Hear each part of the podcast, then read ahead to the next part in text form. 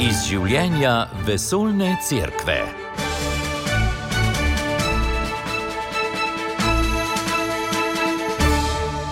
Janez Krstnik, naš glavni sopotnik v svetopisemskih besedilih adventnega časa.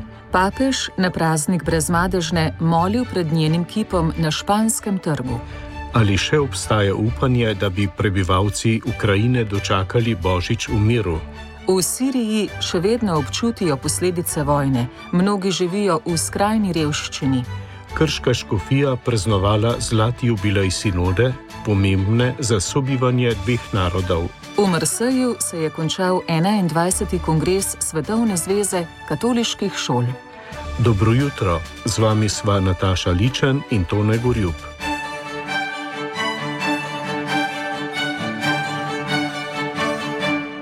Sveče na adventnih vencih, prižgali smo že tretjo, nas vabijo k notranji pripravi na Jezusov prihod.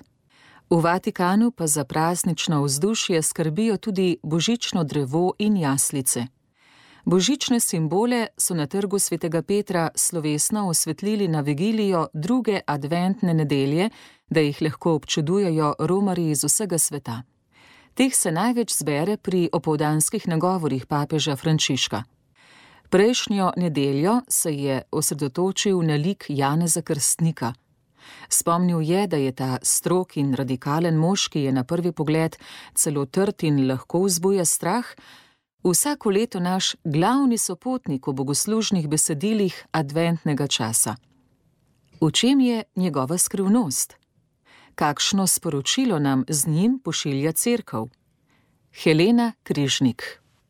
Janez Krstnik je mož, ki je alergičen na dvoličnost in domišljavost, po njegovem predstavljata veliko nevarnost, je povdaril papež Frančišek. S tem nam daje misliti, je dodal. Morda gledamo na druge od zgoraj na vzdolj, misleč, da smo boljši od njih, da obvladujemo svoje življenje, da vsak dan ne potrebujemo Boga, crkve, bratov. Pozabljamo pa, da lahko od zgoraj na vzdolj bližnjega gledamo le takrat, ko mu je treba pomagati vstati. Advent je čas milosti, je še opozoril sveti oče. Vabi nas naj odvržemo maske. Vsak od nas ima svoje maske, postavimo se v vrsto s ponižnimi, da se tako osvobodimo domišljavosti, zaradi katere verjamemo, da smo samozadostni, da gremo in se spovemo svojih grehov ter prejmemo božjo odpuščanje in prosimo za odpuščanje tistega, ki smo ga razžalili.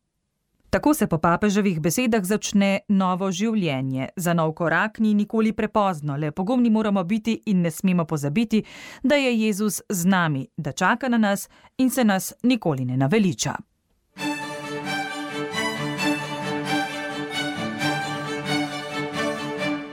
Posebno mesto v adventu ima praznik brezmarežnega spočetja Device Marije. Marija je bila spočeta po naravni poti, kakor vsak drug otrok. Zaradi posebne naloge v zgodovini odrešenja se je bila izbrana, da postane Božja mati, pa je bila po nauku cerkve obvarovana madeža izvirnega greha in je bila vse od spočetja deležna posvečujoče milosti. To tudi izraža besedna zveza brezmadežno spočetje. Papež Frančišek je tudi letos na ta dan molil pred kipom brezmadežne na španskem trgu v Rimu. Pred praznikom pa je med splošno audienco o njegovi vsebini povedal: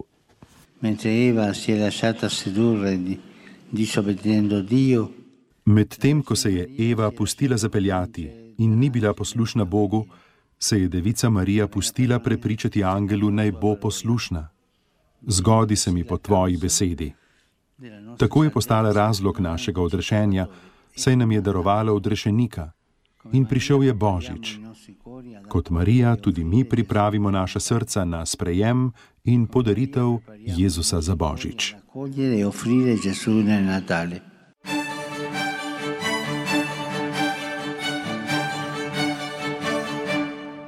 Papež Frančišek je minulo nedeljo znova povabil k ustrajni molitvi za mir v Ukrajini.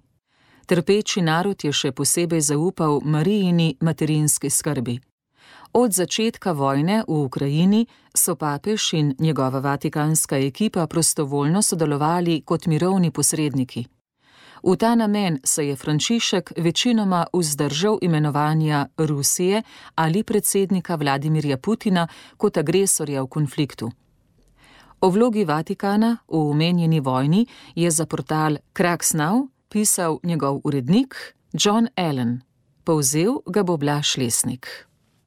Večina opazovalcev je že vse od začetka vojne menila, da je zamisel o Vatikanu kot posredniku z Rusijo težavna zaradi dolge zgodovine nezaupanja med Moskvo in Rimom. To še posebej velja za nacionalistične povdarke v ruskem pravoslavju, ki so pomemben element Putinove politične baze, piše John Allen.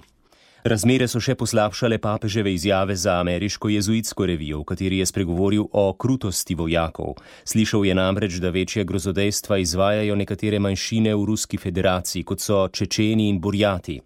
Tiskovni predstavniki Rusije vse od tega intervjuja kar tekmujejo med tem, kdo bo bolj obsodil papeževo retoriko. Ruski zunani minister Sergej Lavrov je celo dejal, da papeževe besede niso krščanske. Sveti oče pa si s svojo ekipo kljub temu še vedno prizadeva za vzpostavitev miru. Zauzemajo se za božično premirje, pri čemer so izkoristili dejstvo, da je večina pravoslavnih crkva v Ukrajini letos dovolila, da verniki praznujejo božič 25. decembra na mesto 7. januarja, datuma božiča po vzhodnem koledarju. Čeprav je Rusija tudi zaradi napovedi ukrajinskih oblasti, da bodo bolj zatirale pravoslavne cerkve, ki ostajajo zveste Moskvi, manj naklonjena premirju, pa so božični čudeži še vedno možni, piše Ellen. In dodaja, da bi bil potreben prav slednji, da bi papeževa prizadevanja obrodila sad.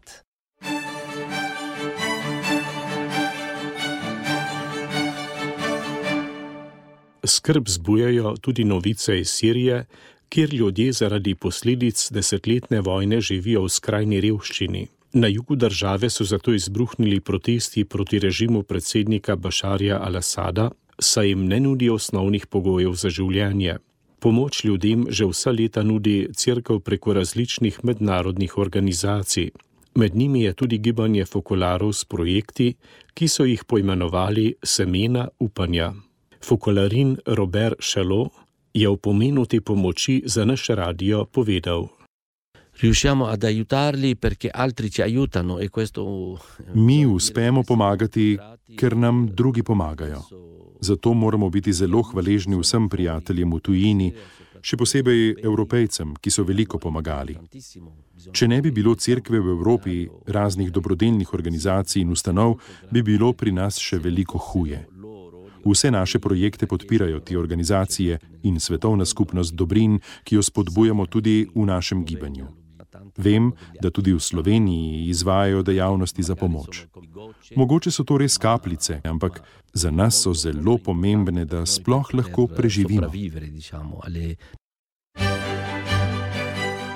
V oddaji iz življenja vesolne cerkve odpiramo temo tedna. V Krški oziroma celovški škofiji nadaljujejo sinodalni proces naravni škofije. S tem namenom se je prejšnji mesec zbral škofijski svet v samostanu Šantjur ob jezeru. To je pastoralno telo, ki pomaga škofu pri njegovi službi, zlasti na področju pastorale. Ustanovili so ga pred pol stoletja po tako imenovani Koroški škofijski sinodi, ki je bila nekakšen odmev krajevne cerkve na avstrijskem Koroškem na drugi vatikanski koncil. Na dvodnevnem srečanju so se med drugim dogovorili za prenovo statuta sinode. V uvodnem delu pa so se posvetili škofijski sinodi, ki se je začela decembra leta 1970, končala pa jeseni dve leti pozneje, 1972. Več o začetkih in poteh sinode, Blaž Lesnik. Po skoraj dveletni pripravi se je sinoda začela 12. decembra 1970 slovesno svetomašo v stolnici. Na ustanovnem zasedanju, ki je bilo v prostorih gospodarske zbornice v celovcu, so spregovorili superintendent evangeličanske cerkve Paul Pelar, deželni glavar Hans Sima in krški škof Jozef Köstner. Govor socialističnega partijskega vodja in deželnega glavarja Hansa Sima na cerkveni slovesnosti je krški sinodi povzročil precej neprijetnosti strani načkofi Salzburg in Dunaj.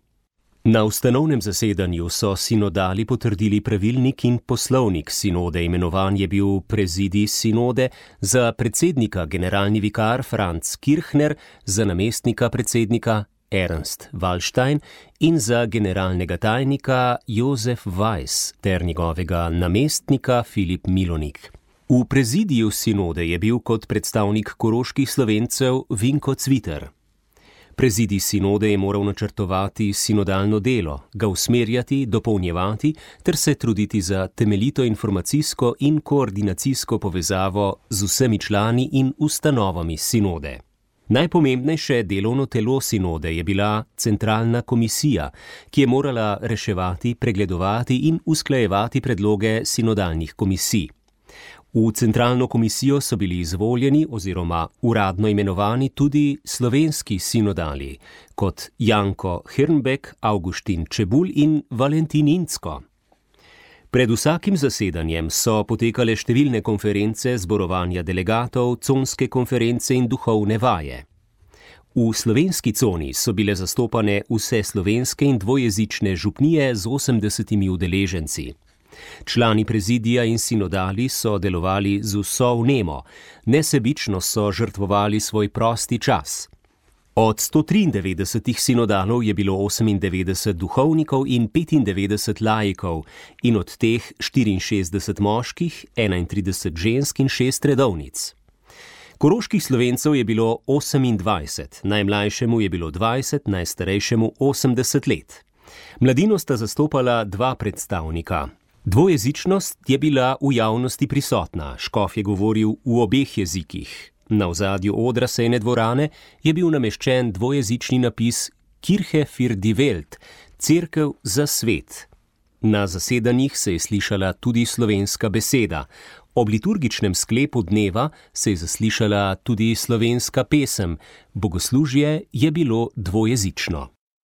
Po dveh letih dela je sinoda sprejela pomenljiv dokument z naslovom Sožitje Nemcev in Slovencev v Koroški cerkvi. Ta je postavil temelje za sobivanje dveh narodnih skupnosti v Škofiji in pokazal pot za iskanje sožitja obeh narodov tudi na vseh drugih področjih države Koroške, od politike in gospodarstva do kulture in športa. O tem so pred dnevi poročali tudi v slovenskem programu Radia ORF v celovcu, na svoji spletni strani pa zapisali. Minilo je 50 let, odkar je Škofijska sinoda na Koroškem leta 1972 sprejela dokument z naslovom Sožitje Nemcev in Slovencev v Koroški cerkvi, ki določa, da je slovenščina tudi uradno drugi enakopravni in enakovredni jezik v liturgiji pri verouku ter tudi v vseh cerkvenih službah in ustanovah. Z jasno večino 200 za in 12 proti so na tretjem zasedanju Škofijske sinode uzakonili dokument, ki je v nadaljevanju sprožil novo obdobje v odnosih med obema narodoma na Koroškem. In to se je zgodilo v takrat politično zelo razgretem ozračju. Leta 1972 so na Koroškem padale table. Politika, zedinjena v tristrankarskem paktu, je takrat molčala dopustila, da so nestrpneži lahko divjali, včasih celo netila konflikt na hrbtu slovenske narodne skupnosti.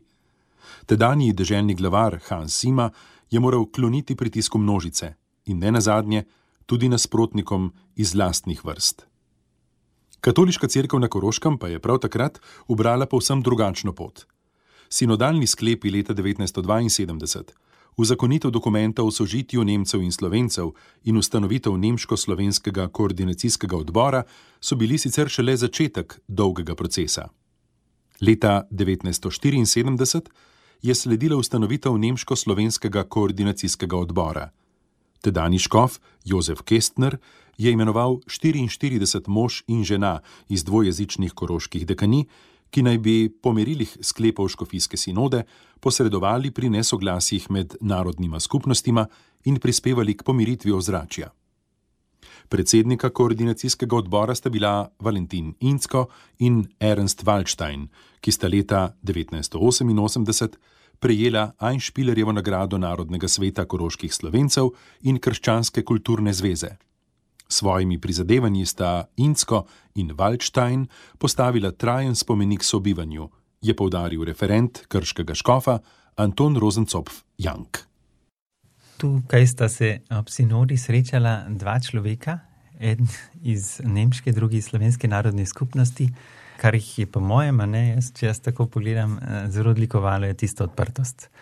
Eh, bila sta pripravljena se učiti drug od drugega in sta se trudila za to, da bi se miselni vzorci razširili.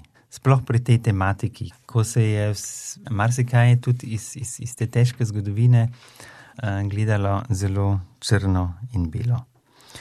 Hitro sta spoznala, da je osnovno pri tem zaupanje. In to zaupanje sta črpala iz vere, ki nam, krščanska vera, nam pove, ne, da je vsak ustvarjen po božji podobi in nosi v sebi dobro. In če jaz se tega prav zavedam, potem iz tega lahko spoštljivo ravnam z vsakim človekom in iščem dobro v drugem. In, in to je pravzaprav osnova, da lahko nastane sožitje. Druga stvar je za me, po mojem, sta bila neverjetno inovativna, kako sta oblikovala teorijo sožitja in prakse. In oboje se dopolnjuje. Izdala sta publikacije skupna Koroška, pomeni, da ste se tako rekoč tudi znanstveno veliko ukvarjali z situacijo na Koroškem in kako je tukaj med eh, narodoma možen dialog in kaj je potrebno za sožitje. In potem sta 19 let delovala tudi na terenu, po župnijah, kjer so se zbirali nemško in slovensko govoreči. In zanimivo je tudi to, bila sta neverjetno marljiva in dosledna. Pomeni, zelo važno je bilo dobra, temeljita priprava tem in postopkov. Uvajala sta nove pristope in oblike obdelava konfliktov. Vsekakor sta razvila v cerkvi prva eh, način medijacije. Potem sta naredila izkušnje in sta potem stvari spet spremenila. Recimo, nemško-slovenski koordinacijski odbor je bil najprej načrtovan v vsaki dekaniji, da bi bil. In potem so videli, da to ni zaživelo in sicer, ker so tisti, ki naj bi obdelovali konflikt, ki naj bi spremljali, so bili preblizu konfliktnim stranem, skupinam, ne, pomeni, potem so spoznali, da okay, to, to ne bo tako šlo.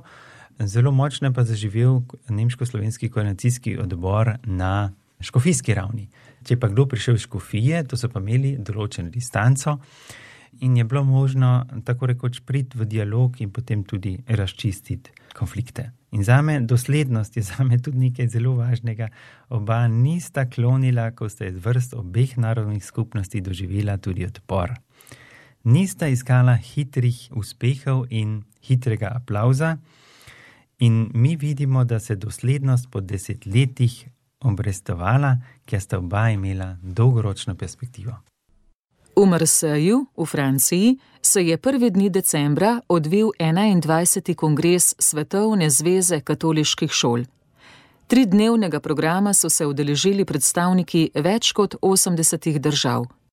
Ob sklepu so se zbrali pri slovesni sveti Maši s prošnjo za blagoslov katoliških šol po vsem svetu in pri praznovanju 70-letnice zveze, ki je bila ustanovljena v letu 1952 in združuje več kot 210 tisoč šol. Srečanja sta se odeležile tudi predstavnika Slovenije v imenu Komisije za šolstvo pri Slovenski škofovski konferenci Marko Valguni in direktor zavoda svetega Stanislava magistr Anton Česen. Marko Valguni je glavni del srečanja takole povzel. Preko praktičnih pričevanj z vseh koncev sveta in zanimivih teoretskih razmislekov odgovornih za katoliške šole ter raziskovalcev iz akademskega sveta smo udeleženci srečanja odkrivali, kako lahko katoliške šole uresničujemo svoje poslanstvo vzgoje mladih, da bodo ti sposobni spreminjati svet v služenju svojim skupnostim. Več kot 50 govornikov je predstavilo svoje konkretne izkušnje ter razmisleke v obliki pričevanj, predavanj in okroglih mis. Zastopane so bile vse celine in predstavljene resnično različne situacije. Skupna rdeča nit srečanja pa je bila prinašati upanje v naš svet. V največji meri smo lahko slišali, kako se šole soočajo z vprašanji spreminjanja, inoviranja, prilagajanja, odgovarjanja na izzive našega časa, predvsem skozi prizmo pobud svetovnega vzgojnega zavezništva papeža Frančiška ter njegovih enciklik Laudato si, hvaljen moj gospod, in Fratelli tutti, vsi bratje. Katoliška šola je in mora biti poslana na vsa obrobja naše družbe, Nuditi mora možnosti za celovito osebnostno rast mladih, ki ob glavi ne zapostavlja niti rok in srca.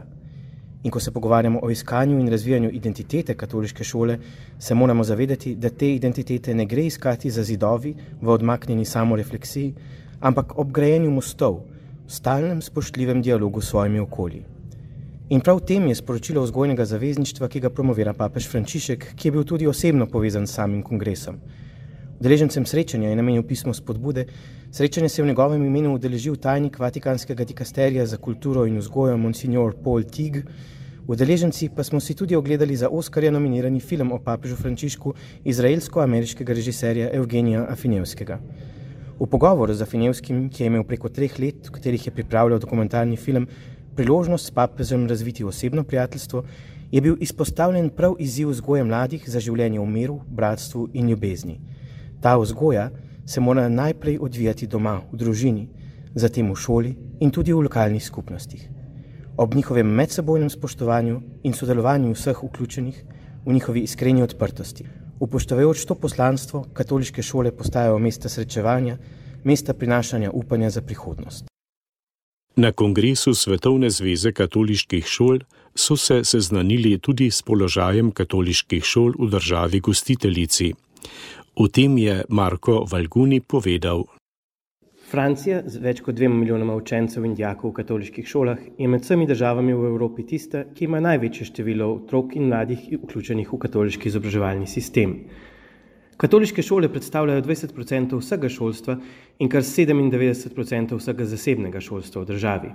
Skoraj vse katoliške šole so vključene v javni sistem in imajo z državo določeno vrsto koncesijskih pogodb, ki predvidevajo tudi financiranje teh šol strani države. Na podlagi sodelovanja z državo katoliške šole izvajajo državni kurikulum in sledijo državnemu šolskemu koledarju, imajo pa določeno ravno avtonomije in svobode. Ena od srednjih točk identitete katoliških šol, kjer se ta srečuje s pogoji državnega financiranja, pa je odprtost teh šol za vse. In v katoliških šolah resnično je izrazito pestra sestava tistih, ki te šole obiskujejo. Misijonsko poslanstvo francoskih katoliških šol je očitno že iz statističnih podatkov, ki nakazujejo upadanje prejemanja vseh zakramentov, ter da nima podatek o tem, da je v Franciji samo še manj kot 2 odstotka nedeljnikov. Ob tem pa, kot omenjeno, katoliške šole obiskuje 20 odstotkov vseh otrok in mladih. Ob dejstvu, da glas cerkve v Franciji postaja manjšinski glas, prav preko katoliških šol ta glas ostaja slišen. Izziv, ki je najbolj neposredno prisoten za katoliške šole v Franciji, je povezan s pomankanjem finančnih sredstev, kar še poglablja energetska kriza.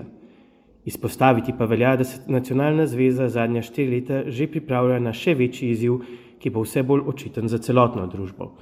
Število vključenih v osnovno in srednješolsko izobraževanje v Franciji bo zaradi padajoče rodnosti v prihodnjih petih letih upadlo za pol milijona. V katoliških šolah to pomeni 80 tisoč manj učencev. V fazi priprave in načrtovanja je Francoska nacionalna zveza želela izverjati resnično iz situacije na terenu. V razmišljanju o vseh izzivih so od učiteljev in ravnateljev poslušali o tem, v kakšnih situacijah se nahajajo šole, kakšni so širši družbeni trendi, kaj je tisto, kar lahko ponudijo. Preko te refleksije so se izoblikovali štirje strateški cilji za delo v prihodnje. Jasno identificirati vzgojni projekt katoliške šole, razvijati pedagoško svobodo in odličnost, pedagoško ponudbo razvijati in posodabljati ter jo aktualizirati za potrebe časa in kot zadnje prenoviti strukture upravljanja in ekonomske modele šol. Predsednik Francoske nacionalne zveze katoliških šol Filip Delorme ostaja optimist in pravi, da katoliška šola v Franciji ni v nevarnosti.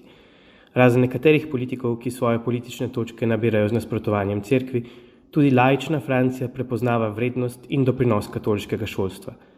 Katoliško šolstvo je v interesu države, ki od njega pogosto tudi prevzema dobre prakse in mu priznava veliko vlogo v služenju skupnosti in delu za integracijo.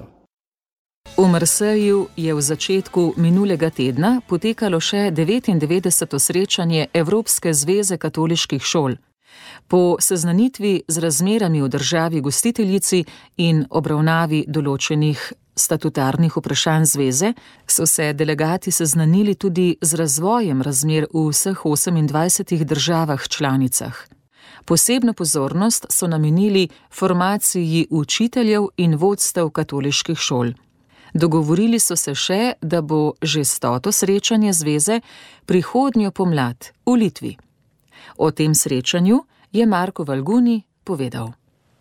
Za šole v praktično vseh državah zveze veliki ziv predstavljajo vse višji in višji stroški. Pozavi splošno inflacijo je predvsem zaskrbljujoče višanje cen energentov. Na to situacijo države odgovarjajo zelo različno. Zdi se, da glede tega izziva šolam najbolj naproti stopa Nizozemska, kjer so samo katoliškim šolam v letošnjem letu namenili več kot 60 milijonov za povečane stroške. Podobno dodatno izplačilo pa pričakujejo tudi v prihodnjem letu. V še enem pozitivnem premiku so na Nizozemskem nedavno tudi izenačili financiranje katoliških in državnih diaških domov. Drugi veliki ziv, s katerim se sooča večje število držav, je pomankanje ustrezno usposobljenih učiteljev. Izziv, ki postaja vse bolj očiten tudi v Sloveniji, je še posebej poudarjen, da nima v Albaniji, kjer opažajo, da se iz države v tujino, posebej Nemčijo, ZDA in Kanado, izseljujejo cele družine. Zaradi demografskih izzivov so na univerzi že v celoti ukinili določene pedagoške študije. Med državami, kjer se katoliško šolstvo trenutno nahaja v politično manj ugodnih situacijah, velja gotovo izpostaviti Portugalsko in Španijo. Slednji opažajo, da želi na šolski prostor vplivati večje število zakonov, ki niso neposredno povezani s področjem izobraževanja. Politični tokovi, ki želijo družbo prilagajati agendi teorije spora, se tako izogibajo neposrednji javni razpravi o izobraževanju, ob tem pa želijo tudi v ta prostor izobraževanja vnesti določene spremembe. Na portugalskem vlado z absolutno večino sestavljajo socialisti, ki so določene zaostritve napovedovali že pred nastopom oblasti. Ob zapiranju večjega števila katoliških šol in vse težjim finančnim razmeram pa je pozitivno sporočilo v tem, da se je v težki situaciji izrazito mobiliziralo širše crkveno občestvo. Pripravljajo različne razstave in publikacije, okrogle mize, predstavitve in druge dogodke. Pozornost vprašanju izobraževanja namenjajo tako na ravni škofi kot župni, okrepljeno je poročanje o šolah in njihovih karizmah ter skupnemu poslanstvu v katoliških medijih, vključno z razdjem, ki je izrazito podprl prizadevanja šol. Pomembno mesto pa so šole dobile tudi v pripravi Svetovnega dne mladih leta 2023 na Portugalskem. Seveda pa se nobena izmed situacij ne more primerjati s težavami in preizkušnjami, s katerimi se soočajo učitelji in otroci v Ukrajini. Na vzhodu države šola poteka izključno nadaljavo, vendar ob tem velike težave predstavljajo izpadi elektrike ali še pogosteje interneta. Na zahodu skoraj vse šole gostijo tudi prebežniki iz vzhoda in se soočajo s humanitarno krizo. Salezijancem Petrom Majbo smo se zaradi ognišča posebej pogovarjali o situaciji v Ukrajini, vsekakor pa presenečajo in navdušujejo vera, zaupanje in neomajnost, trdnost, hvaležnost in nenavadna mera miru, ki jih je zaznati v pogovoru s Petrom glede situacije v njegovi domovini in njene prihodnosti. Utrinki iz življenja vesolne cerkve.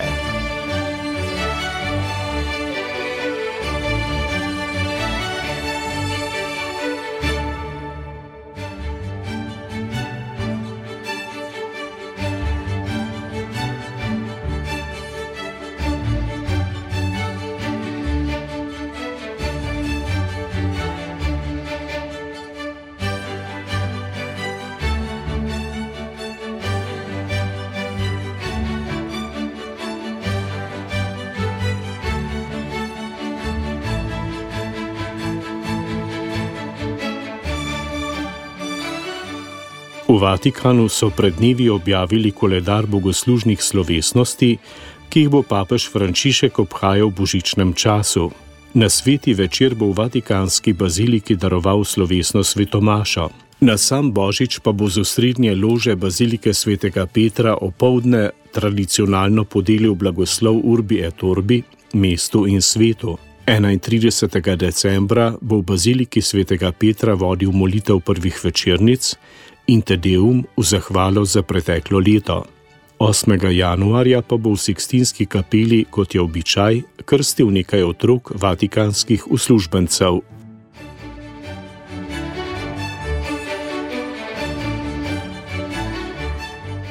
Papež Frančišek bo Demokratično republiko Kongo in Južni Sudan obiskal od 31. januarja do 5. februarja naslednje leto.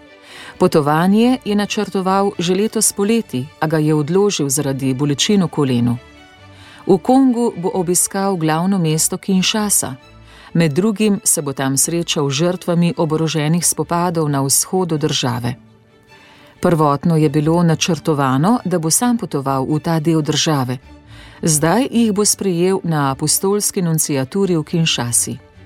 Potovanje v Južni Sudan pa bo opravil skupaj z anglikanskim primasom, kenterburijskim načkofom Justinom Velbijem in vodjo škotske cerkve Ianom Greenshieldsom. To bo ekumensko romanje za mir. Od začetka državljanske vojne leta 2013 je svoje domove zapustilo več kot 2 milijona ljudi.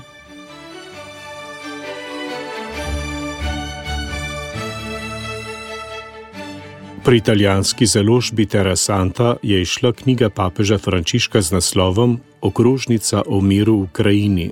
Urednik Francesco Grana je v njej zbral besede svetega očeta v vojni in pozivom k miru v preteklih mesecih. Uvod v knjigo je napisal papež Frančišek.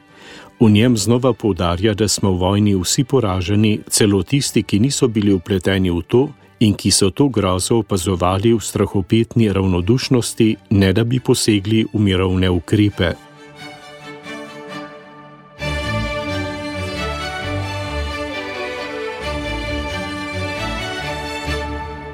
Poslušali ste oddajo iz življenja vesoljne cerkve. S sodelavkami in sodelavci jo je pripravil Tone Gorjub. Tokrat nam je bil v pomoč še tajnik Komisije za šolstvo pri Slovenski škofovski konferenci Marko Valguni. Brala sva Toni Gorjub in Nataša Ličen. Tehnična izvedba Andrej Navljan. Blagoslovljeno tretjo adventno nedeljo želimo. Poslušali ste oddajo iz življenja vesoljne cerkve.